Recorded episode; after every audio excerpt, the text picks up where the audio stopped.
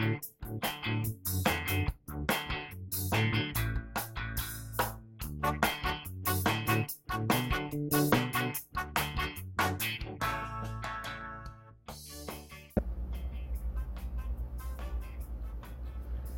teman-teman, kali ini kita belajar RLC rangkaian AC yang terdiri dari hambatan dalam rangkaian AC, induktor dalam rangkaian AC, dan kapasitor dalam rangkaian AC. Langsung saja kita mulai pembelajarannya.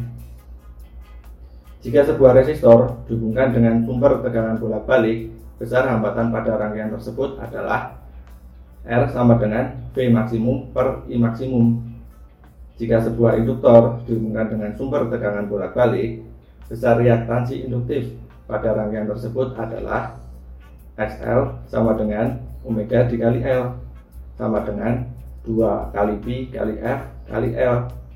Atau dapat juga kita tuliskan SL sama dengan V maksimum per I maksimum. Dengan L adalah induktansi diri. Jika sebuah kapasitor dihubungkan dengan sumber tegangan bolak-balik, besar reaktansi kapasitif pada rangkaian tersebut adalah XC sama dengan 1 per omega C.